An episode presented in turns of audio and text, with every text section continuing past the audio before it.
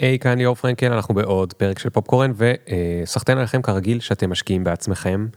אה, פופקורן הוא פודקאסט שהמטרה שלו היא לעזור לנו לעשות אדפטיישן, אדפטיישן לעולם החדש, להסתגל לשינויים שעוברים עלינו, שינויים בעולם העבודה ובתפיסות שלנו ובעולם החינוך ובמדע, באמנות, ברפואה, בפסיכולוגיה, בכל כיוון שאנחנו מסתכלים עליו דברים משתנים כל הזמן, ואיפה זה תופס אותנו, איך אנחנו יכולים ליהנות ואפילו לנצל את ההזדמנויות שהעולם החדש הזה יוצר, במקום להיבהל מהן ולהשתבלל בעולם הקודם, ופופקורן אה, פה בדיוק בשביל זה, ובטח גם בפרק של היום. אנחנו הולכים לדבר עם מישהי שפתחה עסק כבר בגיל 21. ממש צעיר. כן. לא סתם עסק, עסק בתחום החקלאות, אה, תחום שהוא מאוד מאוד מאוד מאוד גברי ומסורתי, זאת אומרת יש פה שני דברים, אנחנו גם רגילים לראות שם אנשים יותר מבוגרים, וגם אנחנו רגילים לראות שם אה, גברים, וזה מאוד עולם חדש בעיניי שמדברים פה עם מישהי. נוי הדס היא רק בת 31, נשואה פלוס אה, שלוש. בעלת רשת נויה שדה שהיא הקימה כבר בגיל 21, אה, רשת חקלאית למכירה ישירה עם 13 סניפים בכל הארץ, שני מרכזים לוגיסטיים, אנחנו רוצה להבין ממנה איך זה קרה, מי בכלל פותח עסק בגיל 21, מאיפה האומץ, איך מסתדרים, או יותר נכון מסתדרות, בתחום מאוד מאוד גברי, אה, איך משלבים אימהות, סליחה, וקריירה כל כך תובענית, אה, שלושה ילדים בגיל 31, עם, עם הדבר הזה, עם כל הסניפים ועם כל הבלגן של הקורונה, אני לא רוצה בכלל לדמיין. אה, נשאל אותה מה היא למדה על לקיחת סיכונים ועל לקיחת החלטות, ו... ו למדה, לא למדה תואר, עשתה, זה משנה בעיניה, זה לא משנה. בקיצור, יש לנו פה פרק קלאסי של אה, אה, מישהי שלא אה, נשמעת כמו שום דבר ממה שאנחנו רגילים לראות, וזה כבר משהו שכדאי אה, אה, לברך ומאוד מאוד מעניין אותנו, אז ניתן למוזיקה את המקום שלו, ונתחיל בעוד שנייה. Yeah. Boom, boom, boom, boom. One time. Ring the alarm. Hot ass nigga, yeah. big ass head so my dreams get bigger. Yeah. Big campaign strong so my flows get sicker. Yeah. Confidence bigger than a drunk ass nigga. Look, I'm a work graveyard. ערב לפני יום כיפור, לפני בערך שש שנים, אה, היו המון המון המון משלוחים, ולפני שש שנים העסק עוד היה יחסית חדש. ומה שקרה זה שאחד מהנהגים שלנו, פשוט נתקע בדרך עם הרכב משלוחים, ואמר, אני לא יכול את השלושה משלוחים האחרונים לחלק. ואני שמעתי את זה. ו... האוטו שלו נתקע כאילו? כן, הרכב משלוחים של נויה שדה נתקע, והוא לא יכל להמשיך לחלק. ואני זוכרת שלא היה אכפת לי מה, כי אותם לקוחות הולכים לקבל את המשלוחים לפני ערב יום כיפור. לוקחת את הרכב שלי, נוסעת, מעמיסה את המשלוחים ומתחילה לחלק אותם. ובבית אחד, אני פשוט כאילו עוצרת, ופותחת לי ילדה מתוקה את הדלת ואומרת לי, נוי, אימא אמרה לי שזה, שזה את, אבל לא ידעתי שאת גם באה להביא את המשלוח, והיא פשוט לא נתנה לי לצאת משם איזה חצי שעה, סיפרה, דיברה איתי, שרנו שירים, אה, כל מה שאפשר. אה, חיבקתי את החזק והבטחתי לה שגם במשלוחים הבאים אני אבוא, וזה עשרה משלוחים אחר כך, אני פשוט אני באתי לא לאותה ילדה, כי פשוט לא, לא יכלתי לשבור לה את הלב, היא כל כך התרגשה. מאיפה היא ידעה מי את? עם הזמן התחלתי להיות מוכרת, כי גם אני מתראיינת הרבה בטלוויזיה, ואני מאוד מאוד חשוב לי לקדם את החקלאות הישראלית ולהיות הפנים והשגרירה של החקלאים. אה, אז אני חושבת שמשם, אה, וגם, אתה יודע, יש את הרשתות החברתיות וכו'. גדול. כן. אז, אז הם ידעו ממש מאיפה הם... אה, תשמעי, זה חתיכת עניין לקרוא את השם של החברה על שמך, זה מאוד מחייב. כן, זה מאוד מחייב. בתחילת הדרך אני קראתי לחברה ככה, כי כשהייתי בת בערך 7-8, אז טיילתי עם סבתא שלי בשער ישוב, אה, זה המטעים של המשפחה, ואז אמרתי לה, סבתא, קוראים לי נוי, ואת יודעת, אני לא כזה אוהבת את השם שלי. מה זה נוי? זה נוי קצר כזה, זה לא נעים, זה לא שם כיף. אז היא אמרה לי, מה, מה, איך את אומרת דבר כזה? את נוי השדה, את הנוי של השדה, תראי כמה שאת יפה פה בשדה ובמטעים היפהפיים האלה, ומאותו רגע זה נחרט לי כזה. גדול. זה היה כאילו הכוח על שלי, אני נויה שדה, אה, וזה היה פשוט אה, ברור שככה אני אקרא לעסק. תגידי, מה מביא אותך בגיל 21 לפתוח עסק? לא רצית אה, לנסוע להודו או משהו? האמת שלא רציתי בכלל, לא שאני לא אוהבת לטייל, אלא פשוט, אני כבר מגיל 16 ידעתי מאוד מאוד מאוד, באופן מאוד ברור ומובהק מה אני הולכת לעשות, וזה לשנות את פני החקלאות בישראל. ההקמה של רשת חנויות הייתה איזה משהו תמים, אבל בסוף מה שרציתי זה לתת בית לחקלאים הישראלים. כי במשפחה שלי חווינו המון המון קשיים כלכליים, וזה היה מאוד קשה וכואב לראות את זה מהצד, ולא להצליח לעזור, כי אתה ילד, מה אתה יכול לעשות? וראיתי... אבל, אבל מה, בגיל 16 חשבת שאת יכולה לעשות? כן, בגיל 16 אה, חווינו בבית אה, אירוע מאוד מאוד קשה. אה, אבא שלי, שהוא עמוד התווך של המשפחה, הוא היה בעצם משווק את התוצרת החקלאית של המשפחה ומוכר אותה ואמור לקבל את הכסף בעדה. ובאחת מהפעמים שהוא יצא לאסוף את הכסף מרשתות שיווק, מכל מיני אנשים שהוא היה צריך לקחת את הכסף מהם, אז הוא עבר שוד מזוין לאור יום בפתח תקווה. כאשר אני ואימא שלי פשוט יושבות מול מסך הטלוויזיה בערב רגיל לגמרי עם אחיות שלי הקטנות, יש לי שלוש אחיות שהן שלישייה באותו הריון, וואו. ועוד אח קטן שהיה אז רק בן שלוש בערך, שנתיים. אנחנו רואות את הרכב של אבא שלי מחורר מכדורים, כולו. בטלוויזיה. בטלוויזיה, בלי שום חמלה. וכתוב למטה, פצוע ירי קשה בפתח תקווה, ואנחנו מזהות את הרכב, ואנחנו יודעות שזה אבא. ואני לא אלאה בפרטים, כי זה באמת אירוע שיציף ממני מאוד מאוד מאוד קשה, אבל אני אמשיך ואומר שאבא שלי שרד את התופת הזאת, ובאותו רגע ממש, כמו חץ בתוך הלב, אני הבנתי שהחיים יכולים להתהפך ברגע אחד, ושאני לא נחה על זרי הדפנה לשנייה, ואני רק נעה קדימה. כל הזמן התנועה קדימה, להגשים את החלומות שלי, אימא שתניע אותי, ו- וככה אני אפעל. ואת אותו מקרה מאוד מאוד קשה, פשוט הפכתי לדרייב שלי.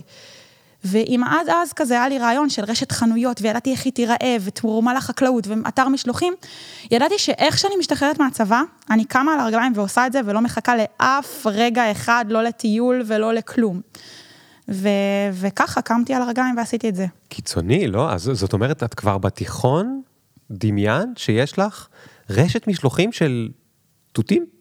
לגמרי. אני פשוט ידעתי שאני הולכת, לא רק שידעתי, גם ידעתי איך היא תיראה. ידעתי שזה הולך להיות סניפים שכולם עם בסטות אה, עץ ומרצפות שחור לבן, ואמבטיית קרח באמצע עם אננסים טריים, הכל ישראלי, שמתחת לכל ירק כתוב מאיפה הוא הגיע, עם, עם אה, שירות, ואנשים שיושבים וצעירים כאלה שמסבירים לכל הכוח שהוא מגיע מאיפה כל דבר, ואיך זה גדל, ומה מתאים עימה, ואיך מבשלים את זה. מאיפה קיבלת את ההשראות האלה? כי דווקא לא, מאיפה שלא קיבלתי אותם, זאת אומרת שאני ידעתי איך האפרסק נראה שהוא גדל על העץ, בתור ילדה שגדלה במטעים. ואז הייתי הולכת עם אמא שלי בשוקים, אתה יודע, בירקניות, ברשתות שיווק, מסתכלת על המחלקת ירקות שמבחינתי הייתה אמורה להיות הדבר הכי יפה, הכי נשי, הכי נוצץ, הכי טרי. ואומרת, אמא, למה האפרסק נראה ככה, מה קרה לו? וכאילו, זו הייתה שאלה תמימה של ילדה, אבל באמת לא הבנתי למה הוא רקוב כזה מקומט על המדף, כשאני יודעת איך הוא אמור להיות נוצץ. כן. אז, אמ- ואז ראיתי את הבסטיונר מעשן על הסחורה, ואמרתי, מה? סיגריות על הסחורה שגודלה באהבה ועל ידי חקלאים שמהאדמה הדבר הכי נוצץ בעולם? אז אמרתי, אוקיי, אני רוצה להקים, אז אמא שלי אמרה לי, נוי, זה ככה, אין מה לעשות. אז אמרתי, אוקיי, אני רוצה להקים משהו אחר, אני רוצה להמציא מקום, יהיה הכי יפה, עם השירות הכי טוב, שהכל נוצץ, הכל נקי, שפע מטורף. וכאילו כל הלא, כל מה שראיתי לא, אז רציתי לעשות כן, הפוך. בדרך השלילה, כן. כן. ממש. אז, אה, אז סיימת את הצבא ובגיל 21 הקמת את הזה, מה, מה הקמת בהתחלה וגם איזה, היה לך משהו מהבית שקיבלת, זאת אומרת, היה לך משהו להישען עליו, לא ההתחלה, זאת אומרת, היה איזשהו מטע, שדה, לא יודע, משהו ל... ל... אז כבסיס. זהו, שלהפך, כי סיפרתי לך מה שקרה לאבא שלי, זה די, זה די מוטט אותנו משפחתית וכלכלית, זאת אומרת... אה, מה, משלוח אחד שהיה בו שוד כאילו מוטט את ה... כן, כי אבא שלי מזה, אה, היה לו מאוד מאוד קשה להשתקם. קודם כל, זה היה שנה של שיקום, בין אם, אה, אתה יודע, פיזי וגם נפשי, ממש, הוא נורא. אה, אוקיי, אוקיי. וגם, אתה יודע, כל המשפחה עברה טלטלה, וזה עסק של איש אחד, וברגע ש... ברגע שאתה יודע, הרשת שיווק היא רואה שאתה, אין לך משהו, אז היא פשוט זורקת אותך, כאילו, אין חמלה פה. Mm. ועברנו משהו מאוד מאוד קשה. אה, והמטעים וכו', סבא וסבתא שלי המשיכו לגדל אותם, אבל זה כבר לא היה אותו דבר. וכשאני החלטתי לפתוח את העסק, אז פתחתי אותו מכלום, לא היה שום דבר, לא היה לי שקל גם להשקיע בו. אני לא מאמין. כלום, זה היה פשוט להתחיל אותו מחדש, ולא רק זה, המשפחה שלי מאוד מאוד התנגדה. איך הילדה שלנו, שתמיד הייתה כזה במועצת תלמידים ורוצה לי, אמרתי להם כל הזמן שאני רוצה להיות ראש ממשלה, שאני הגדולה, כזה שאיפות גדולות, אה, ותמיד הייתי כזה טובה בלימודים וחברים והכל היה בסדר, עושה לנו את המרד הזה דווקא כשהיא כאילו, מה, כל הזמן אמרו לי, את תפשטי את הרגל בגיל 21, מה את עושה? אז אה, דווקא בא מהתנגדות מאוד מאוד גדולה. איך זה, איך זה, אז אה, קודם כל אני בשוק. זה ממש לא דמיינתי הסיפור. מה הסיפור שדמיינתי? שירשת איזה מטע מסבא וסבתא, ובמקום סתם לגדל אותו מטע, החלטת להיות, לעשות משהו מודרני. עכשיו את כאילו גורמת לסיפור להישמע עוד יותר טוב.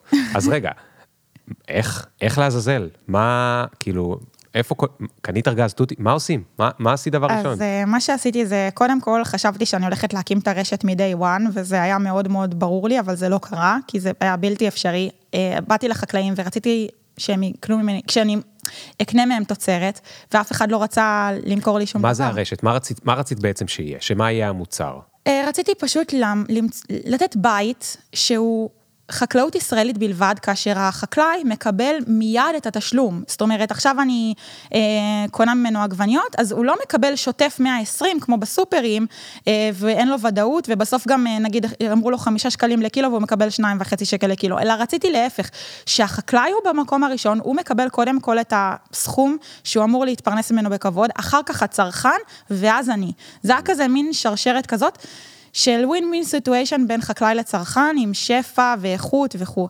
אבל זה פשוט לא יכל לקרות באותו רגע, כי החקלאים לא האמינו בי. עכשיו, אני לא, אני לא האשמתי אותם, כי אני הבנתי מבית מה קורה לחקלאי, למה הוא לא מאמין.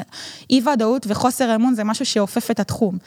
אז הבנתי שבמקום להתחיל בזה, אני צריכה לעשות איזשהו סוג של סטאז'.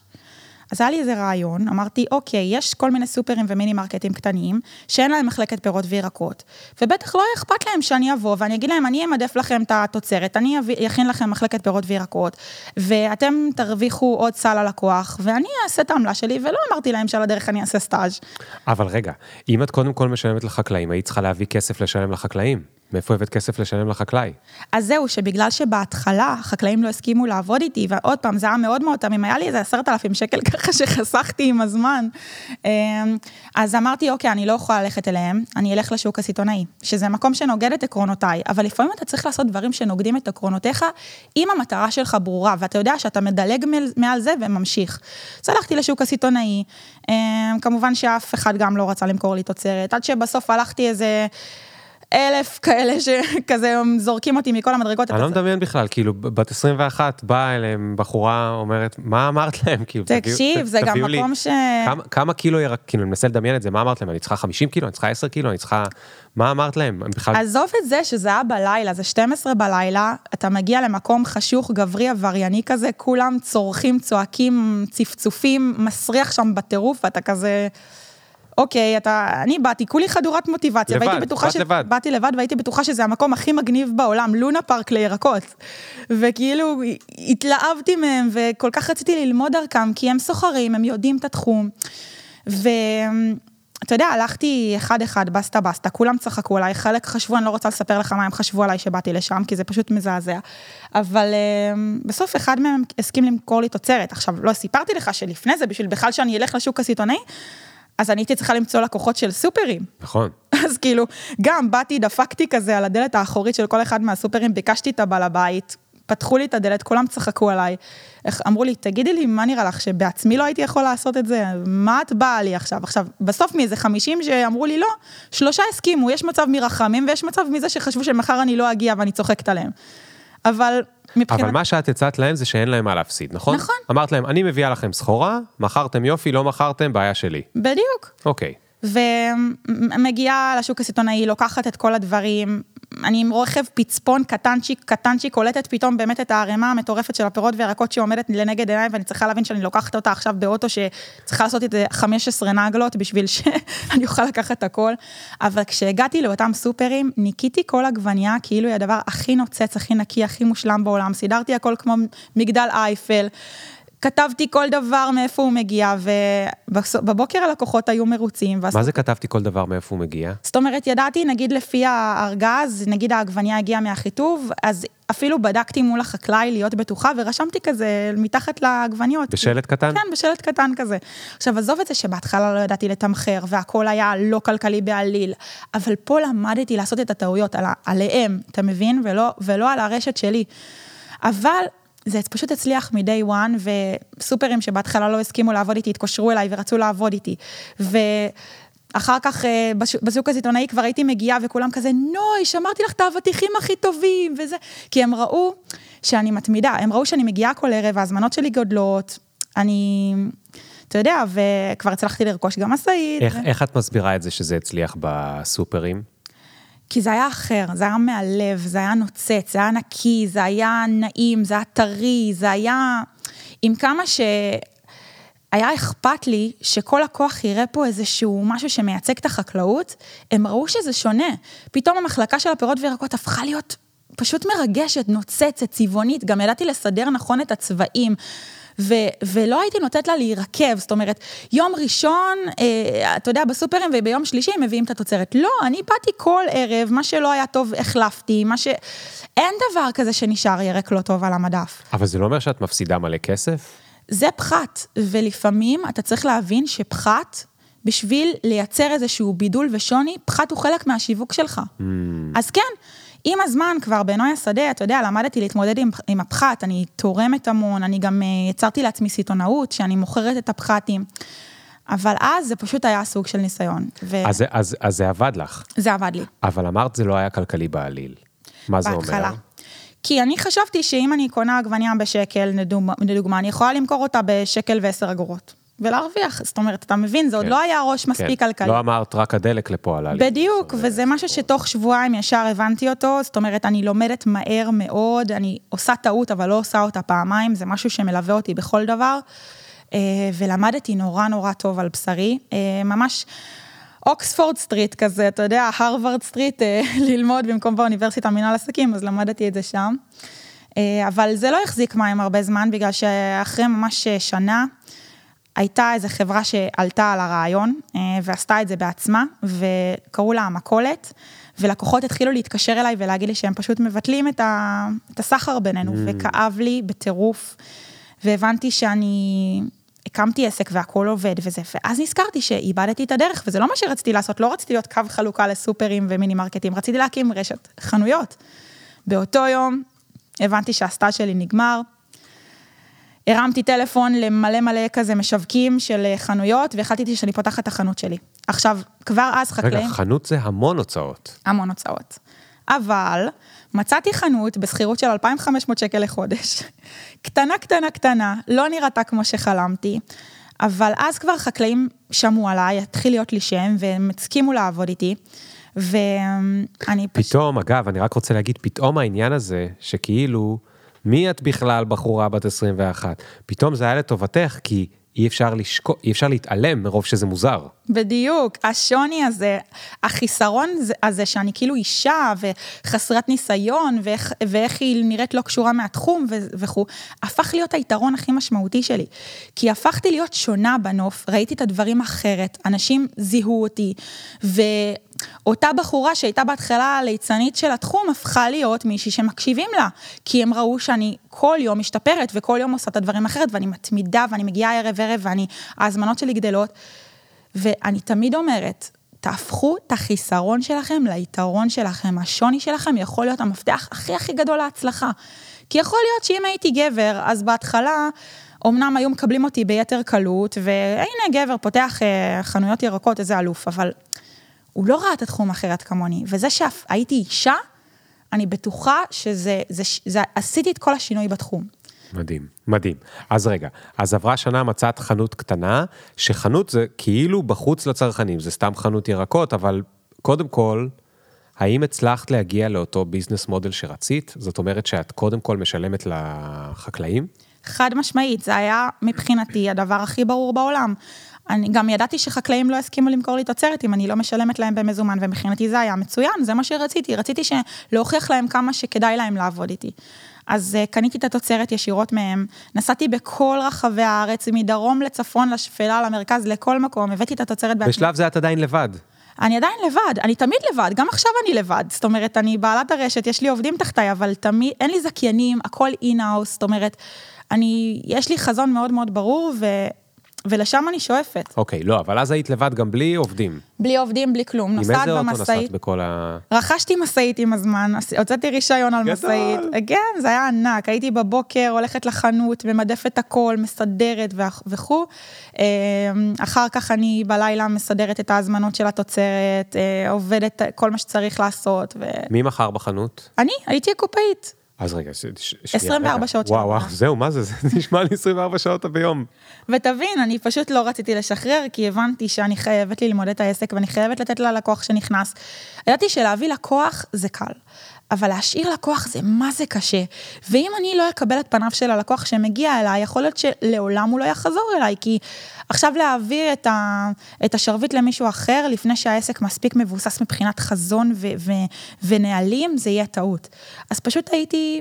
הכל, הייתי הקופאית. אז בחנות שלך הכל היה נוצץ כזה ויפה כזה, כמו בחנויות פירות הכי, הכי יפות שיש? נכון.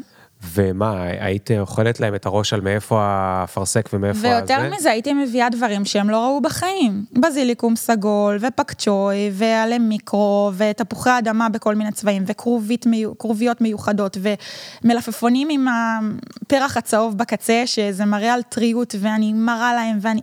זאת אומרת, מעבר לזה שזאת הייתה חנות מאוד מאוד מאוד נקייה ויפה, עם באמת נותנת כבוד לחקלאות, היה בה דברים שונים מהתחום, פרחים אכילים, כאילו אי אפשר היה להשיג את זה לפני עשר שנים. אז גם היו תמחורים שונים? אמ, תראה... כי היה נשמע שיכולת להרשות לעצמך את המחיר יותר גבוה, אם יש אה, דברים שאין. אני תמכרתי לפי אה, היכולת שלי להתפרנס. זאת אומרת, לא יכלתי לתמחר פחות מזה ולא יכלתי לתמחר יותר מזה, רציתי שזה יהיה ממש... אה, ממש פייר כלפי הצרכן וכלפי החקלאי, ועשיתי את המקסימום כדי שאני אוכל גם לגדול ולת... רגע, זה מטורף. שני דברים. אחד, מבחינת, אה, אה, אמרת לימודי מנהל עסקים, שלא למדת, אבל מה שלומדים במנהל עסקים, אז בדרך כלל התמחורים הם על פי התחרות. תמחורים הם על פי תחרות ועל פי מה שצרכן רגיל לשלם. מדי פעם אנחנו רואים בעולם כל מיני הזיות אחרות, שלא קשורות לדברים האלה. נגיד יום אחד באפל החליטו למכור אוזניות ב-200 דולר. לא היה דבר כזה לפני זה. לא היה. ועכשיו הם המוכרי אוזניות הכי מצליחים בעולם מבחינת uh, גם אחוז רווח וגם... Uh, זה מטורף, הם עושים, כאילו זה אחד ממקורות ההכנסה הכי גדולים של חברת אפל, אוזניות. אף אחד לא היה משלם פי 4, פי 5, פי 10 על uh, אוזניות, והם פשוט הביאו את זה. אבל יש פה משהו מאוד יפה במה שאמרת, וזה קשור ליזמות שהיא אה, בן אדם שהוא עסק של בן אדם אחד. אמרת, בכלל לא היה משנה לי רגע מה יש בתחרות, אני תמכרתי ככה שהייתי צריכה להתפרנס. וזה עבד? כן, זה עבד. עם הזמן אה, לחנות הזאת נהיה תור, זאת אומרת, אנשים פשוט עמדו בתור בשבילה, והבנתי שעליתי פה על משהו מיוחד, והתחלתי לפתוח עוד ועוד סניפים, כאשר הסניפים הבאים כבר היו נראים כמו שאני רוצה וחולמת. זו תמונה של סניף אה, הראשון שפתחתי, שראיתי, כשהוא היה נראה כמו שאני חולמת, זו תמונה שיכולה לגרום לי לבכות. כי זה רגע של התגשמות חלום, שפשוט אני עוצרת את נשמתי ואני נזכרת באותה ילדה בת 16 שידעה בדיוק מה היא רוצה ואיזה חלום היא הולכת להגשים, והתמונה הזאת, שהיא לא כל כך רחוקה מזיכרוני, פשוט uh, מעבירה בצמרמורת, והיום uh, יש לנו באמת uh, 15 סניפים כבר. וואה, שהם... צריך לעדכן באתר. כן, שהם כולם, כולם ילדיי. ואתר משלוחים, שאני גאה לומר שהוא המוביל בישראל למשלוחי פירות וירקות, זה, זה משהו שהוא, מבחינתי להגיד את זה, זה, זה גאווה עצומה. זה, כן. זה פשוט גאווה עצומה, כי, כי גם זה, כשבאתי ופתחתי אתר משלוחים, אז כולם אמרו לי, זה היה ב-2016, תגידי, מי ירצה לקנות עגבניה באינטרנט? אנחנו רוצים לבחור, אנחנו רוצים לראות שלא יעבדו עלינו. אם אני קונה אבטיח והוא מקולקל, אז מה אני אעשה? אז אני אמרתי, חברים, ואם אני אבחר לכם יותר טוב ממה שתבחרו לעצמכם? אם אני עכשיו מביאה לכם, אני מבינה בזה, אני יודעת מה זה נקטרינה טובה ואני יודעת מה זה אבטיח טוב. ואני אבחר לכם את הכי הכי טוב, אפילו יותר ממכם. אז מה, מה פה הבעיה? וזה היה מאוד מאוד חדשני לתקופה.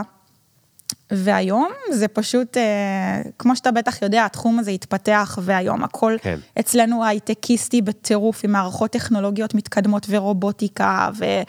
ושירות לקוחות שזמין 24 שעות ביממה, שאם האבטיח לא היה טוב, אתה מקבל זיכוי עד הבית, או שאתה מקבל את הכל, אבטיח, אה, אבטיח כאילו חדש, אם אתה צריך. את הורגת אותי, אנחנו רק התחלנו את חודש מרץ, אין עכשיו אבטיחים. התחיל היום. אה, כן? אצלנו יש כבר. גדול, גדול.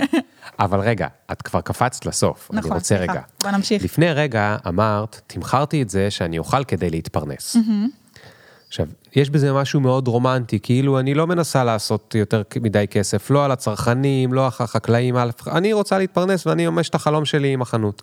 אבל אז אמרת לי, ואז פתחתי עוד חנות. לא רק שפתחתי עוד חנות, היא גם נראית כמו איך שאני רוצה, ולא אמרת, אבל אני מנחש, את לא יכולה למכור בשתי חנויות בו זמנית. אז נראה לי שהתחילו להיכנס עוד אנשים לתחום. זאת אומרת, הגענו גם למקום שבו את צריכה להתחיל לשים כסף בצד כדי להשקיע אותו, נכון? נכון. עכשיו, יש שתי דרכים. את יכולה לשים, להגיד, אני מרוויחה קצת יותר ושמה כסף בצד, או את יכולה להגיד, אני הולכת לבנק, ואומרת לבנק, שים לב, בנק, אתה רואה? אני יודעת להכניס כסף, תן לי הלוואה. באיזה דרך את אה, מעולה. השתמשת? אני מאמינה שאסור מהתזרים לבצע השקעות אה, שוטפות בכל רגע, במיוחד שהעסק מאוד מאוד חדש אה, היה. אז באותה תקופה פניתי לבנק, ורציתי לעשות את זה דרך הלוואה ופתיחת חשבון. ובשביל לעשות את זה, גם להקים בכלל חשבון בנק עסקי, אני לא רוצה לספר לך כמה זה היה מזעזע, זה תהליך פשוט נוראי, היה נוראי, אני באתי, באתי כולי מסודרת, עם עסק שכבר עובד, לא באתי על פאר. היית כבר חברה בעם? לא הייתי עוד חברה בעם, כשבאתי ל... אני פתחתי עוסק מורשה, ואחר כך, אה, אתה יודע, אמ, אה, המשכתי והתקדמתי, אמ, ואז כשרציתי להיות חברה בעם, אז באתי. אתה יודע, לסניף בנק. לא, לרשם לא, החברות זה היה בקלות, לא הייתה לי שום בעיה, אבל באתי לבנקים, ואני מנסה באמת, אתה יודע, לקבוע פגישה, וקובעים איתי פגישה, ואני מגיעה לסניפים של המנהלים, ופשוט הם רואים אותי, והם פשוט זורקים אותי מכל המדרגות. אה, קודם כל הם ראו אותי וחשבו שאני המזכירה, הם לא חשבו שאיתי קבעו את הפגישה. רואים בחורה צעירה, תחום חקלאות, הכי גברי, הכי לא נראה להם. ופשוט זרקו אותי מכל המדרגות ואמרו לי, לך אנחנו לא נפתח חשבון. עכשיו, זה היה ממש לא נעים, זה היה מזלזל, אבל לא אכפת לי. זאת אומרת, אני ידעתי שאוקיי, אז הוא יגיד לי לא, וההוא יגיד לי לא, וההוא יגיד לי לא, ואני לא אוותר, אני פשוט אמצא את אותו אדם שיאמין בי ויפתח לי את החשבון. זה, זה לא זעזע אותי בדרך. זה, היום אני מסתכלת על זה, ובאמת, בואנה, יפה שהמשכתי. כי ראיתי את המטרה כל הזמן כנגד עיניי, ואני כל הזמן אומרת שלא משנה כמה לא אתה מקבל מספיק כן אחד. ואחרי המון המון פגישות עם מנהלי בנקים שלא האמינו בי, אמ, פגשתי את האחד, הוא פתח לי את הדלת, הסתכל עליי בעיניים נוצצות, הקשיב לי כאחת האדם ולא עכשיו כאיזושהי אה, מישהי שהיא צעירה או אישה, הוא לא ראה את הסטיגמות, הוא ראה אדם שבא מסודר, עם תוכנית עסקית, עם אה, עסק שעובד, עם אה, חזון מאוד מאוד ברור, ודיברנו מספרים ודיברנו עסקים, והרגשתי שיש פה מאץ'. ויצאתי מה, מהפגישה וקיבלתי את מה שרציתי, ואז הצלחתי באמת להקים את הסניף שחלמתי עליו. עד היום מנהל הבנק הזה הוא אחד מהאנשים שאני הכי מעריכה, והוא כבר יצא לפנסיה, אבל עדיין הוא מגיע לכל דבר שלי, לכל טקס שלי, וואלה. לכל דבר שקורה. מה, ממש בק... נהייתם uh, בקשר. נהיינו בקשר, כי תראה, אני מאמינה שגם אצלו באיזשהו מקום, הוא מרגיש שהוא היה האחד שפתח לי את הדרך. וכמו מין אדם כזה ש... שראה מעבר, ושאני סוג של שותפה שלו באיזשהו מקום, כי הוא שותף שלי להצלחה. ולעולם אני לא אשכח את זה. והוא תמיד תמיד תמיד זמין לי לכל דבר, ואפילו פעם הבן שלו בא לעבוד אצלנו. גדול, כן. זה הסגירת מעגל נורא. תגידי, אמרת קודם, אה, אף פעם לא לקחת מהתזרים להוצאות שוטפות. כן. למה את מאמינה בזה? מה, מה כל כך חשוב בזה? לא להוצאות שוטפות, זה יותר להשקעות. אה, אני מאמינה שצריך, אה, אם עכשיו אני פותחת... אה, סליחה, סליחה, אמרת לא לקחת מהתזרים להשקעות, אלא רק להוצאות שוטפות. זה מה שאמרת, או הפוך? לא, לא, אמרתי שאני מאמינה שצריך אה, לא להוציא מהתזרים להשקעות.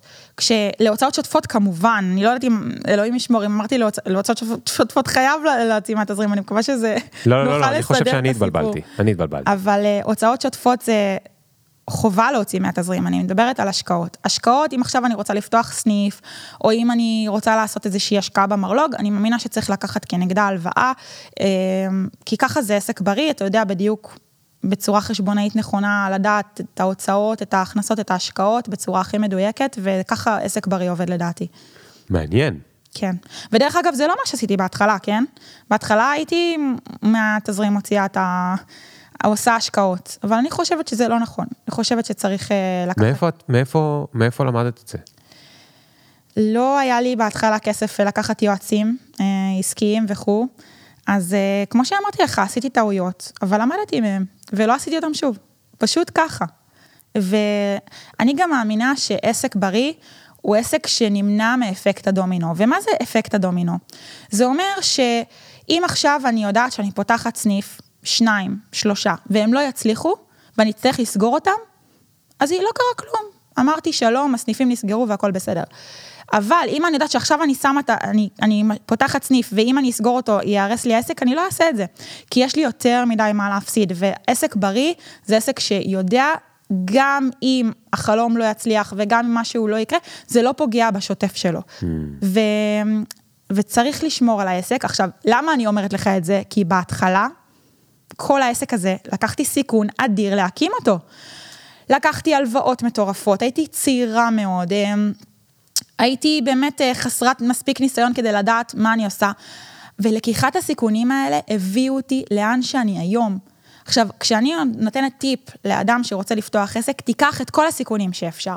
תעשה מה שצריך כדי להגשים את החלום שלך, תחשוב בגדול, תעשה את זה הכי הכי ענק בעולם. אבל מה אם זה לא היה מצליח? אז הייתי יושבת פה, פושטת רגל, ואומרת, תודה לאלוהים, שנתן לי לנסות להגשים את החלום שלי ושהוא לא יישאר במגירה. הייתי מקבלת את זה בכל אהבה, אבל לפחות ניסיתי הכל. ואני מסתכלת על נוי בת ה-21, בת ה-22, שלקחה את כל הסיכונים. בזכותה אני פה. בזכותה אני פה, אחרת לא הייתי כאן היום. והיום, כשיש לי כבר אחריות, יש לי 400 עובדים בחברה. 400? 400 עובדים. Oh my God. Oh יש לי ילדים, שלושה, אני נשואה, ויש לי מחויבות אדירה, כאן הסיכונים שאני אקח יהיו כבר יותר נמוכים, כי יש לי, יש לי אחריות. אבל כשהייתי בן כן. אדם אחד, לקחתי את כל הסיכונים שבעולם, ובגלל זה אני ממליצה לפתוח עסקים בגיל צעיר, כי יש בך את ה passion, את ה drive, את התמימות, את החוסר פחד הזה, שבגיל 30-35 הוא נעלם. ו... ואני מודה על זה, ואני מודה על זה שאז לקחתי סיכונים, והיום אני לוקחת אותם, אבל יותר בחשיבה. כן. אוקיי, אוקיי, אוקיי. מה, מה, מי היה העובד הראשון ששכרת ולאיזה צורך? אז אה, הסדרנים שלי, אה, בהתחלה לקחתי סדרנים של סחורה שיעזרו לי באמת אה, למדף, אחר כך הבאתי נהג משאית שיעזור לי גם לקחת את התוצרת ממקום למקום. ואז הגיעו העובדים, עכשיו דווקא משם, הקופאים בסניפים, דווקא משם היה לי הכי קשה לשחרר, כי אמרתי, מה, אבל הם הפנים של הלקוח. הם אמורים להגיד ללקוח את הדברים הכי טובים ולהיות שירותיים, ואם זה לא אני, אז מה יהיה? ונוכחתי לדעת שזה דווקא היה מקסים, וזה היה נהדר, כי כשבאתי לאותו עובד ועשיתי לו רעיון עבודה וסיפרתי לו את הדרך וסיפרתי לו את החזון, כולם היו כל כך מגויסים, שהם אפילו עשו את זה כבר יותר טוב ממני. והעובדת הראשונה קראו לה דני, אה, הייתה עובדת מהממת ומדהימה, ואני לא, לעולם לא אשכח אותה, ואז באו גם חן, וזה העבודים שאני לעולם לא אשכח. ו, ובאמת אה, לאט לאט פרצתי את הגבול של להאציל סמכויות. עכשיו תבין, אני הייתי שליחה, אני הייתי נהגת משאית, אני הייתי קופאית, אני הייתי הכל. אין, שירות לקוחות, אני הייתי שנים עונה. הייתי אומרת, אה, מדברת מאיה, וזאת הייתה אני, כי אני רציתי ללמוד את התחום, אני לא רציתי, אני רציתי לעשות משהו ואז להסביר את הנהלים. ולא שמישהו, אני אגייס מישהו לתפקיד ואז הוא ילמד אותי את הנהלים. הכל היה מ-day one, וכאילו שלי. אמ, והצלתי את הסמכויות, והיום באמת אה, אני, אני מנהלת את העסק מלמעלה. אני רוצה רגע לערבב שני דברים. כן. אה, לא עשית תואר, נכון? עשיתי תואר. עשית תואר? כן. אני לא מאמין. תקשיב, כמו שסיפרתי לך בהתחלה, ההורים שלי הזדעזעו מהבחירה כן. שלי, בללכת כן. לחנויות של פירות וירקות ותחום החקלאות וכו'. והם פשוט אה, עשו לי מין אה, סוג של, אה, טוב, את הולכת ללמוד. את הולכת ללמוד, כי אם לא, לא תצליחי בזה, אז לפחות שיהיה לך תואר. אז אמרתי, מה אני עושה, איך אני, איך אני לומדת תואר? אז הלכתי ללמוד פסיכולוגיה וקרימינולוגיה באריאל. עכשיו, אתה צריך להבין שבחרתי במשהו שנורא מעניין אותי, ונורא חשבתי שיהיה לי קל גם לעשות בו את התואר, כי זה הרבה לקרוא. ויש לי זיכרון צילומי מעולה, ואני טובה בקריאה, ואני בכללי בן אדם שקורא, אז הייתי לוקחת את הסיכומים. אה, של החבר'ה שלי ללימודים, שעד עכשיו אני אומרת, חברים, אל תהיו קמצנים, תנו לחברים שלכם לספסל הלימודים את הסיכומים, הם הצילו אותי, הם פשוט אנשים שאני לעולם לא אשכח אותם. עכשיו, אני, אני אותו דבר אומרת, תהיו תמיד האנשים האלו שנותנים, כי אתם לא מבינים מה זה עושה לצד האחר, גם המנהל בנק וגם אותם אנשים שנתנו לי את הסיכומים, וזה משהו ש... זה אותם אנשים שבדרך שלי אני לעולם, לעולם, לעולם לא, לא אשכח ותמיד אוקיר להם תודה. בכל אופן, בזכותם יש לך תואר. כן, בזכותם יש לי תואר, ניגשתי ללימודים. אבל uh, גם בזכותך. לצ... ל... כן, ועשיתי... בקיצור, למדת למבחנים, מה שנקרא. למדתי למבחנים ונהניתי, ואני ממליצה לכולם ללמוד, וגם אם זה לא אומר שתעסקו בזה, ללמוד זה חשוב. אוקיי, אז את מוכנה למה שאני הולך לעשות? את לא מוכנה. מה אוקיי. אתה הולך לעשות? אז לפני uh, כמה שנים טובות, אני עשיתי פרויקט תוכן שנקרא ללמוד או לא. Mm-hmm. והלכתי לכל מיני אנשים, חלקם uh, עם דוקטורט, חלקם עם אף תואר, אנשים מוכרים, אנשים לא מוכרים. ואחד האנשים שהלכתי לראיין שם היה רמי לוי. וישבתי אצלו במשרד. קודם כל אני אספר לך את הסוף. יאללה. הוא אמר לי שהוא רוצה, שהוא ממליץ לצעירים ללכת ללמוד, למרות שהוא לא למד, כי הוא היה אה, אה, דיסגרף. בכיתה ח' כבר העיפו אותו מהבית ספר, והוא הלך לעבוד באיזה מוסך, ואז הוא למד, וטה טה טה טה טה, וקרא לו את כל הסיפור. לא ראיינתי אותו על העסק שלו, כי באתי למשהו אחר, אבל אני מכיר קצת את, ה, את הסיפור, והוא מאוד גם בנה את עצמו בשתי ידיים. אה, הוא המליץ לאנשים ללכת ללמוד, כי הוא אמר בסוף, יש את זה ביוטיוב, אני לא מגלה פה איזה משהו, אפשר למצוא את זה, אבל הוא אמר, בסוף אני נכנס לחדר עם כל החבר'ה שלי, שאני שכרתי שהם יותר חכמים ממני, ובסוף תמיד אני ארגיש שם קצת רגשות נחיתות שלי אין את התואר ולהם יש. עכשיו זה משהו שאני חושב שהוא מאוד נכון לדור הקודם, בדור שלנו זה כבר כזה חלק חלק, יש אנשים שכבר לא היו עושים את זה. אבל למה אני אומר אה, זה? כי אני ראיתי, כשהגעתי אלייך, נתקלתי ביוטיוב, שבו את יושבת ליד אדון רמי לוי, ואתם שם כמעט רבים באולפן. כן. ואמרתי, בואנה, מי זה התותחית הזאת? לא מתביישת לריב עם רמי לוי באולפן. לשניכם היו טיעונים טובים אגב. ואני רוצה עכשיו לצאת רגע מה... אני לא נכנס לתוך האישיות, כי זה לא מעניין, אני לא יודע מה את חושבת עליו וזה לא מעניין, אבל אני רוצה רגע לדבר על אותו נושא ששם התווכחתם עליו אה, מאוד. כי הנושא היה אה, בעצם מה שהתחלת איתו, חקלאות ישירה versus אה, לא ישירה, נכון? נכון. איך אפשר להוריד לפירות וירקות את המחירים ולפגוע במוסר התשלומים, ותמורת זה לקבל אה, סופר שהוא מאוד רווחי. נכון. לעומת השיטה שלך. אז תספרי שנייה על מה, על מה התדיינתם שם בטלוויזיה ומה, מה, כי היה נראה שם שאת מאוד פאשנט uh, לאג'נדה. נכון. אז ככה, אה, הייתה תקופה לפני שנתיים שהיה מחסור חמור בעגבניות ישראליות, וזה קרה בעקבות אה, סופרים גדולים שקיבלו הרשאה לייבא המון המון המון תוצרת מחו"ל, אה, בעיקר מטורקיה, ואני זעמתי על זה, והגעתי למצב שאני לא, אין, אין עגבניות בישראל. וכולם אמרו לי, נוי, בואי עכשיו תביאי עגבניות מטורקיה, כי את חייבת למדפים שלך עגבניות, ואני אמרתי, חברים, לנויה שדה לא הולכות להיכנס עגבניות מטורקיה, והשארתי את המדפים ריקים מעגבניות. ולא היה אכפת לי שהלקוחות יגיעו ולא יהיה עגבניות, כי זה פשוט משהו שהעיקרון שלי לא אפשר לי לעבור עליו בשתיקה, וידעתי שאם אני אכנע לזה, לתכתיבים האלה, אז פשוט בשנה הבאה לא יהיה עגבניות ישראליות בכלל. והשארתי את המדפים ריקים מעגבניות, וכל כך כל כך כעסתי על רשתות השיווק, כי אמרתי לעצמי, מדינת ישראל זו מדינה שהחקלאות בה היא באמת ההון שלנו. אנחנו, יש לנו אקלים מעולה, יש לנו חקלאות מפותחת, יש לנו ידע אנושי, יש לנו כל מה שאפשר לעשות בשביל שהחקלאות בישראל תהיה הכי הכי מתפתחת ומתקדמת וגם זולה. וברגע שפותחים את השוק ליבוא, אז מה שגורמים לזה זה שכמות החקלאים מצטמצמת משנה לשנה, אין בנים ממשיכים, אין אחרים שמחליטים אה, להמשיך ולעסוק בתחום החקלאות. ואנחנו נמצא את עצמנו ואת הילדים שלנו ואת הנכדים שלנו במדינה שללא ללא חקלאות. עכשיו, מדינת ישראל היא מדינה שהיא יש לה המון אויבים, וכאשר טורקיה באיזשהו משבר תחליט שהיא לא רוצה לייבא מדינות, אה, אה, חקלאות אה, לישראל, אז אנחנו פשוט נשאר פה רעבים, כי יש הרבה לפנינו בסדר העדיפויות. ואז זה יגיע למצב שעגבניה טורקית או עזתית מזעזעת עם מלא מלא חומרי הדברה מרוססת שישבה שלושה ימים באוניות, אם לא שבוע באונייה, פשוט, פשוט תעלה 30-40 שקל לקילו, כי כשאין, אז אתה יודע מה זה ביקוש והיצע.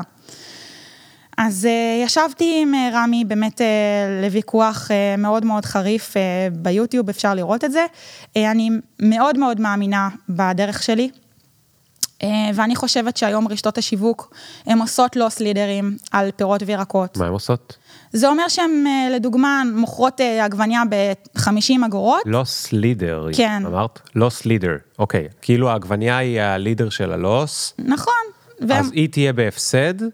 ואז יקנו אצלם את כל הדברים האחרים. בשביל... חסה, חסה שטופה בפלסטיק ב-15 שקל. יותר, יותר מזה, הם יכולים גם להקצות את כל מחלקת הפירות וירקות בלוס לידר, את כולה, mm. ממש לא להרוויח עליה שקל, גם זה יכול להביא, בשביל אה, למשוך לקוחות לקנות את השאר, ובשאר קצת מעלים מחירים. מעבר לזה שכן, יכול להיות שאתה פתאום את העגבניה, מלפפון, בצל ואת כל הדברים שאנשים יודעים אה, כמה הם עולים, אז מוכרים מאוד מאוד מאוד בזול, ואז אה, פתאום דברים שפחות יודעים, כמו לדוגמה, אה, נגיד זוקיני, מפציצים לו מחיר. אמ, וזה משהו שנורא נורא מכעיס אותי, כי זה בסוף על חשבון החקלאים, על חשבון מי שגידל את התוצרת, כי הכסף הזה שמתגלגל על ההפסד כביכול לסופר, הוא עובר לאותו, לאותו חקלאי שגידל עבורם והוא לא מקבל את התשלום הראוי. ואנחנו נכנסים פה למין אה, לופ כזה של אה, חקלאים, לא, חקלאים שלא מצליחים לגדל, ואז המחירים עולים, ואז הסופרים מורידים מחירים, או שהם מבקשים אה, לפתוח את השוק ליבוא, ואנחנו נהיה פה במצב מאוד מאוד קשה. אז אני חושבת ומבקשת מכל אחד ש...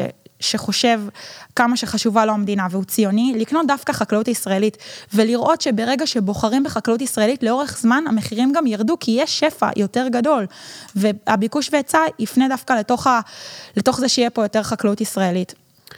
תגידי, מה עם הצרכנים אבל? אני הייתי קונה פעם עגבנייה בשני שקל, היום זה עולה 6.90 במקום הזול. נכון. למה המחירים כאלה גבוהים? סליחה רגע שהבאתי אותך עכשיו לתוכנית הכלכלית, אנחנו לא בתוכנית הכלכלית, אבל... אני שמחה מאוד שהבאת אותי לזה. אבל, אבל תסבירי לנו רגע למי שלא מבין בעניין. זה קורה מכמה גורמים. אחד, אה, לצערי המדינה מאוד מאוד מקשה על החקלאים אה, בתשומות, אה, בחשמל, במים, ובכלל בעובדים הזרים, שאני יכולה להגיד לך שאני משלמת מינימום 12,000 שקל לעובד זר, כאשר בכל המדינות מפותחות בעולם אין את המחירים האלו, ואני לא מדברת עכשיו נגד זכויות האדם, אבל אנחנו משלמים פנסיה וכל מה ש... שצריך אה, לאותם עובדים, כאשר במדינות מתפתחות ומפותחות בעולם זה לא קורה. אמ, ומעבר לזה, אנחנו רואים גם מה קורה ש... ברשתות השיווק. אתה, הם קונים נגיד עגבניה במחיר מסוים מטורקיה, נגיד מאוד מאוד מאוד זול, ואז העגבניה הישראלית, כי יש פחות לדוגמה, עולה 6.90, אבל אותו, אותה עגבניה טורקית, הם מוכרים כמעט באותו מחיר כמו העגבניה הישראלית, אתה מבין? אז הם מייצרים כל כך הרבה רווח על אותה עגבניה טורקית, כי הכסף לא מתגלגל לצרכן בסוף, אותו פער, כן. ורשתות השיווק הופכות לעשירות יותר, וזאת הסיבה גם שהן רוצות לייבא, כי כאילו הן גוזרות קופון ענק, שמשוות לחקלאות ישראלית, והחקלאות הישראלית רק תלך ותגדל, כי יהיה פחות ופחות, וה, והם פשוט מעדיפים לעשות את זה ככה, ו... ואין מה לעשות, זה, זה, אם אנחנו לא נעצור את זה ונקטע את זה עכשיו, ולא, והחקלאים לא יקבלו מהמדינה את מה שבכל מדינות מפותחות אחרות מקבלות, אז אנחנו נמצא את עצמנו ללא עגבנות, ואני אתן לך דוגמה עכשיו חדשה, חדשה, חדשה מבריטניה. בבריטניה, טסקו הגדולה, טסקו, מגבילה כל לקוח לשלוש עגבניות, שלושה מלפפונים, כרובית אחת, ברוקולי אחד. למה?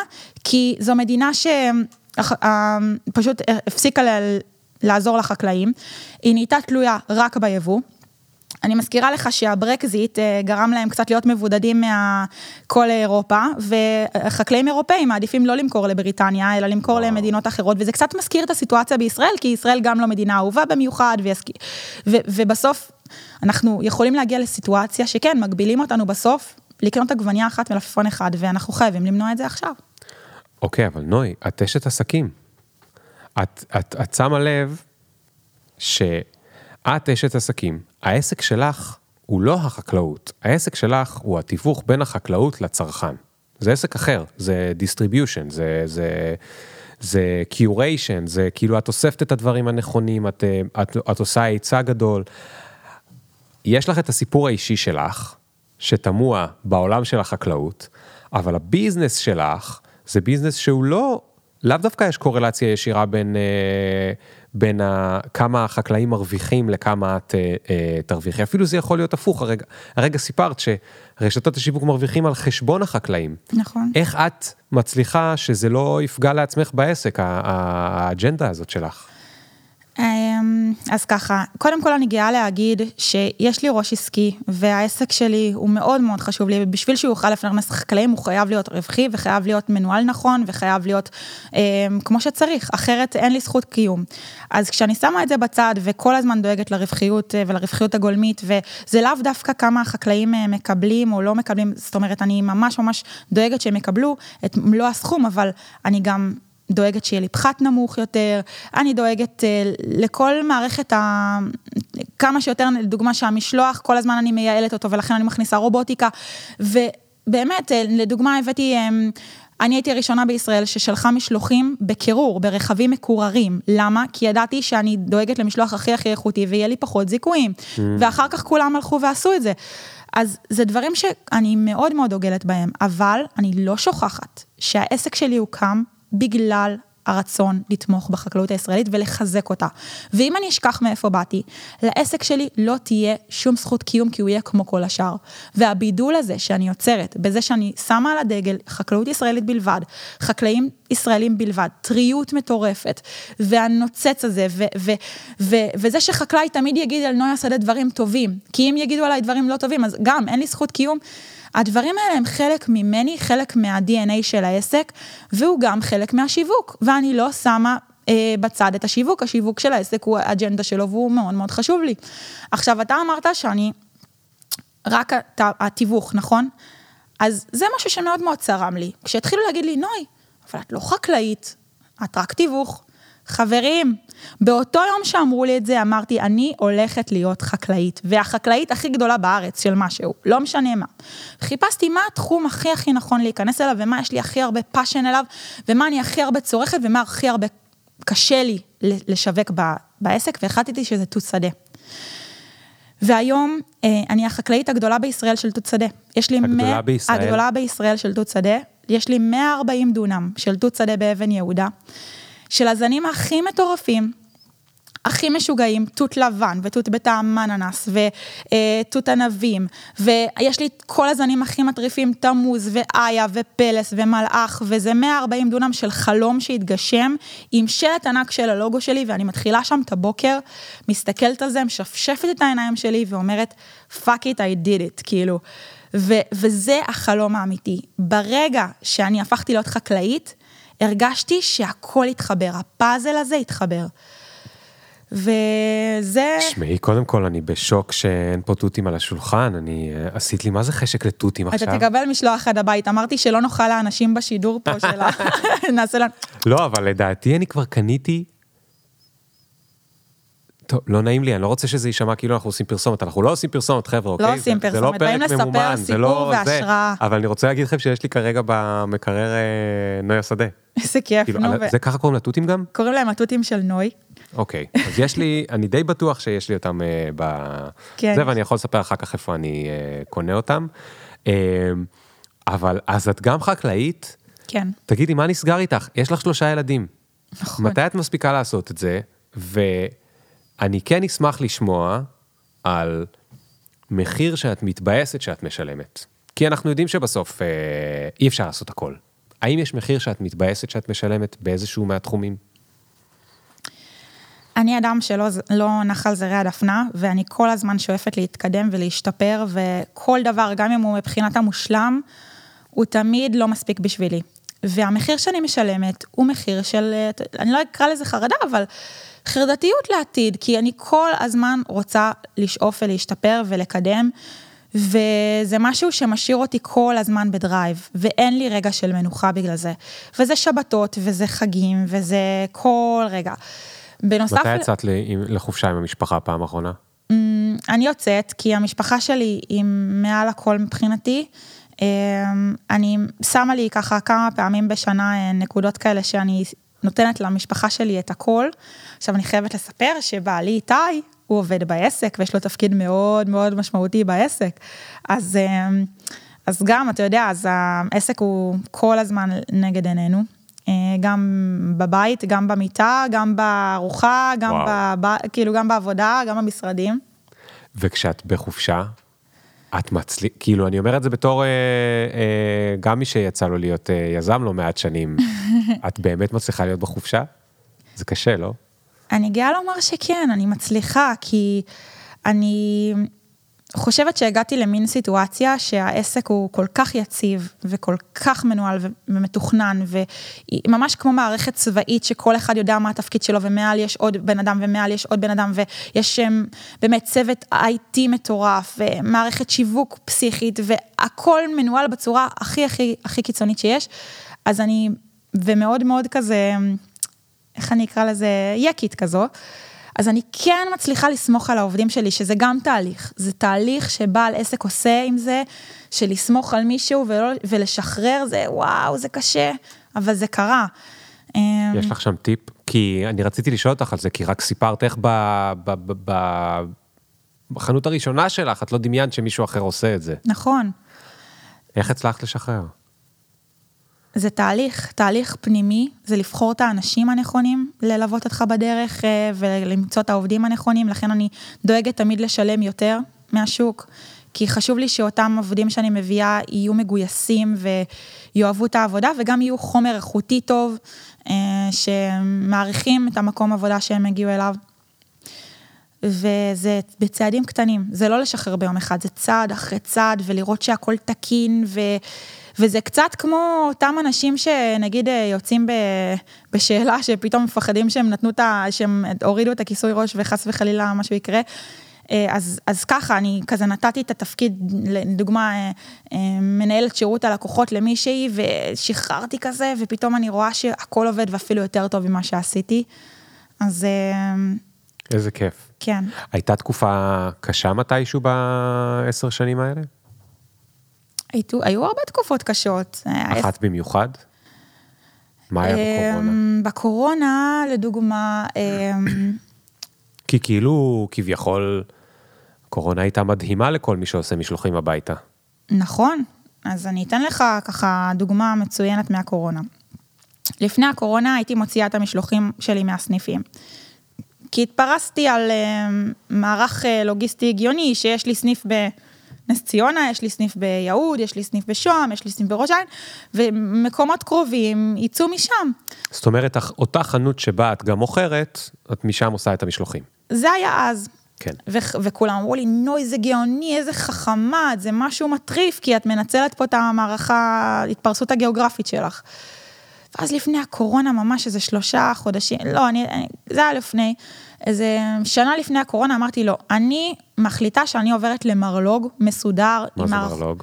מרלוג זה מרכז לוגיסטי שיהיה ממש אחראי רק על המשלוחים, מערכות טכנולוגיות מתקדמות, עם בקרה מטורפת, עם הכל שיהיה ייעודי רק להפצת משלוחים. אני שומע בראש עוד הוצאות. נכון, כולם, בדיוק ככה, כולם אמרו לי, תקשיבי, את מטורפת, למה את עשית את זה לעסק שלך? את, את לא נורמלית. אז אמרתי, חברים, אני רוצה אחידות, אני רוצה שכל משלוח שיצא מנוי השדה, הוא מקבל אחידות, שלא יגידו, זה יצא מפה וזה יצא משם, זה סניף קטן, יש לו פחות תוצרת אה, מסוימת, יש לו, אה, פה אסור לי למכור לחם, פה אסור לי למכור גבינה. אני רוצה שיהיה בו מקום שאני אוכל להכניס עוד מוצרים, שאני אוכל לשמור על בקרת השרשרת, על, ה, על, ה, על הטריות, על האיכות, וגם על, אתה יודע, זה בכלל שליטה, זה שליטה שהכל יוצא ממקום אחד. עם אה, מחלקת שירות לקוחות שיושבת במקום, ועם צי נהגים, וצי רכבים, וצי שליחים, ו... ושהכל יהיה במקום אחד. ועשיתי את זה, וחודש לפני הקורונה, פתחתי את המרלוג לליקוט ההזמנות.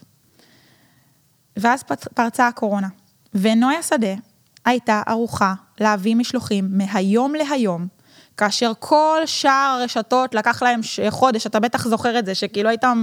לא היה אפשר להשיג. לא היה אפשר להשיג. והיינו מהיום להיום מביאים משלוחים. עכשיו, מה עוד? פרצתי את הדרך עוד יותר, אמרתי, רגע, בן אדם יש, לו, יש לנו 24 שעות ביממה, אז למה שאני לא אניח לבן אדם את המשלוח ב-6 בבוקר, ב-4 בבוקר ליד הדלת? גם בנוסף. ואז אני יכולה לייצר עוד משלוחים, והבן אדם פותח את, ה, את הדלת בבוקר, והמשלוח מונח לו ליד הדלת, והוא רגוע, הנה כבר משימה אחת ירדה לי מהראש, המשלוח הגיע. ואז פתחתי את הקו משלוחים לפנות בוקר. שזה נהיה הקו הכי הכי הכי מטורף בחברה, הוא נתפס ראשון. אנשים מעדיפים פשוט, אה, אתה יודע, לשים את הקוד של הבניין, לקבל את המשלוח, לפתוח את הדלת לפני שהילדים אה, יוצאים לבית ספר, להכין את הסנדוויצ'ים, ואתה יודע, עם משלוח טרי. כן. ו, וככה אני כל הזמן חושבת קדימה. הגעתי לקצה גבול היכולת, עוברת לשלב הבא.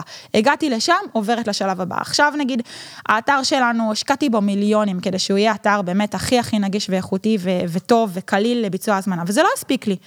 אז השקעתי עוד כמה מיליונים בשביל לעשות אפליקציה, והאפליקציה הזאת צריכה לצאת כאילו בשבוע הקרוב.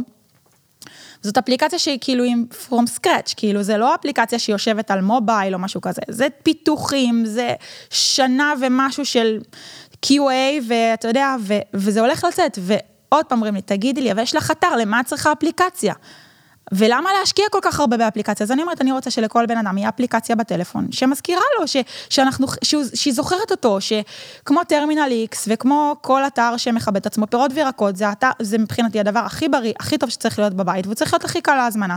וגם לשם אני שואפת, אז הפכנו את הדבר, האדמה הזה, להייטקי, והשילוב הזה בין השניים, זה פורץ גבולות, ויש כל הזמן מה להתקדם, ואתה בטח מבין אותי, שתמיד יש לאן להתקדם ב... כשהולכים לטכנולוגיות. אז אה, זה מחיר, זה מחיר כבד בנפש, אבל... אה, כן, נשמע ש... לך יש מחיר כבד, אבל זה עובד, ב... עובד פצצה. נכון. אה, נוי, היה לי מאוד מאוד כיף. מה, לא דיברנו על אימהות, לא דיברנו על קריירה, לא, אה, דיברנו על קריירה. לא, דיברנו על קריירה כל הזמן, את רוצה לספר לי משהו על אימהות, איך עושים כן. את זה לעזאזל? אני רוצה לתת איזשהו משהו אה, ככה לנשים ולגברים שצופים.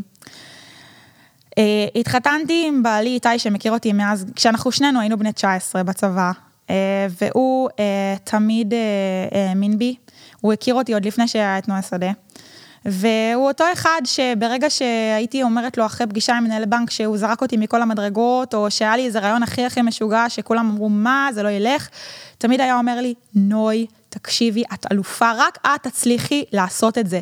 את חייבת להמשיך. עכשיו, אני לא אומרת שצריך זוגיות בשביל להצליח, אבל אם יש זוגיות, תבחרו את הבן אדם הזה שדוחף אתכם קדימה, שמעיף אתכם, ש, שהמוח שלכם פורץ גבולות ואתם ה-best כאילו version of yourself כזה, אה, כשאתם איתו, כי באותה מידה הוא יכול להגיד לי, נוי, יאללה, מה את צריכה את זה? את לוקחת סיכונים, את תמצאי את עצמך בבלגן, בואי נלך, תלכי ללמוד איזה משהו, תהיי עורכת דין, את טובה בזה.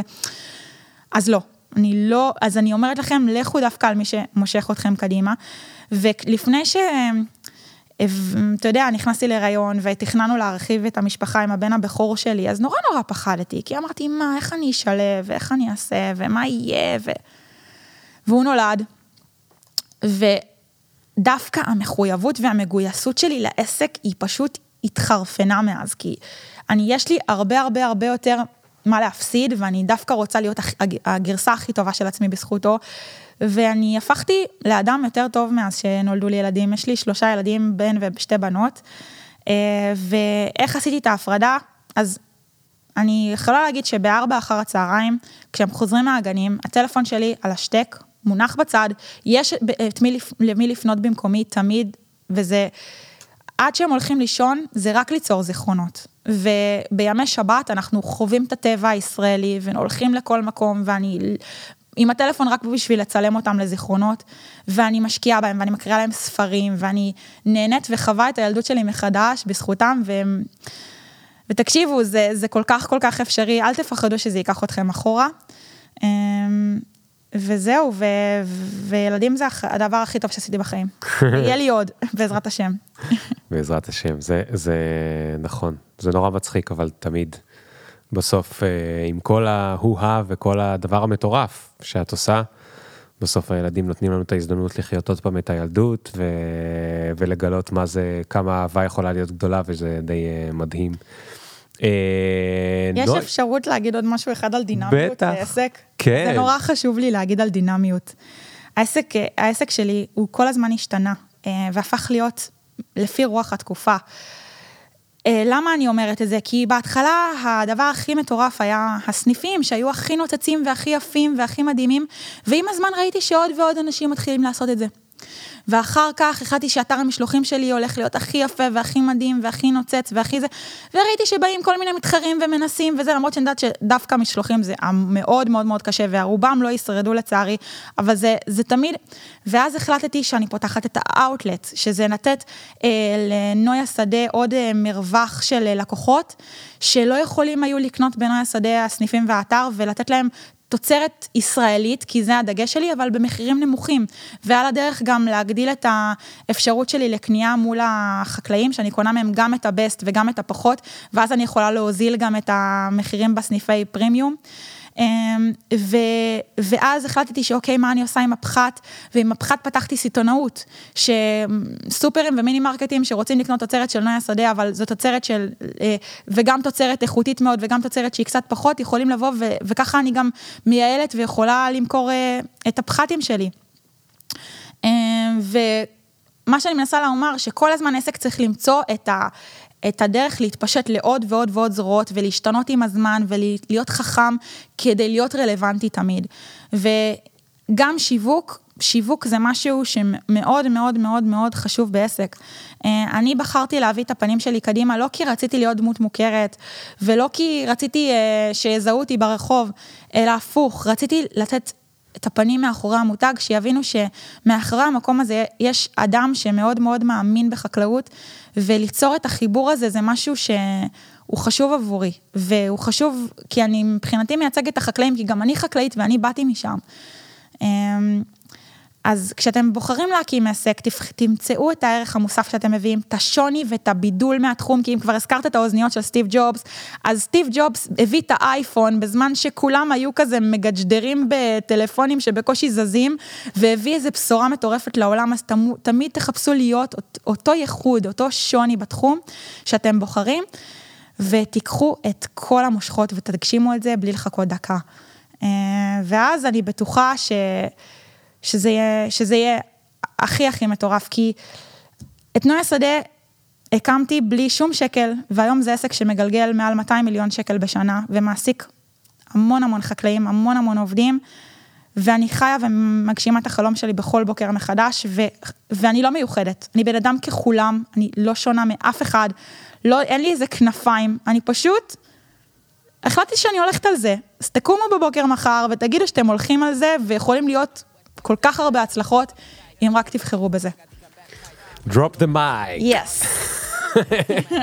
תודה רבה רבה נוי, היה מאוד מאוד כיף, מלא השראה. היה לי תענוג אה, להתארח אצלך, ובא לי כבר אה, להתארח עוד פעם. יאללה, ביי.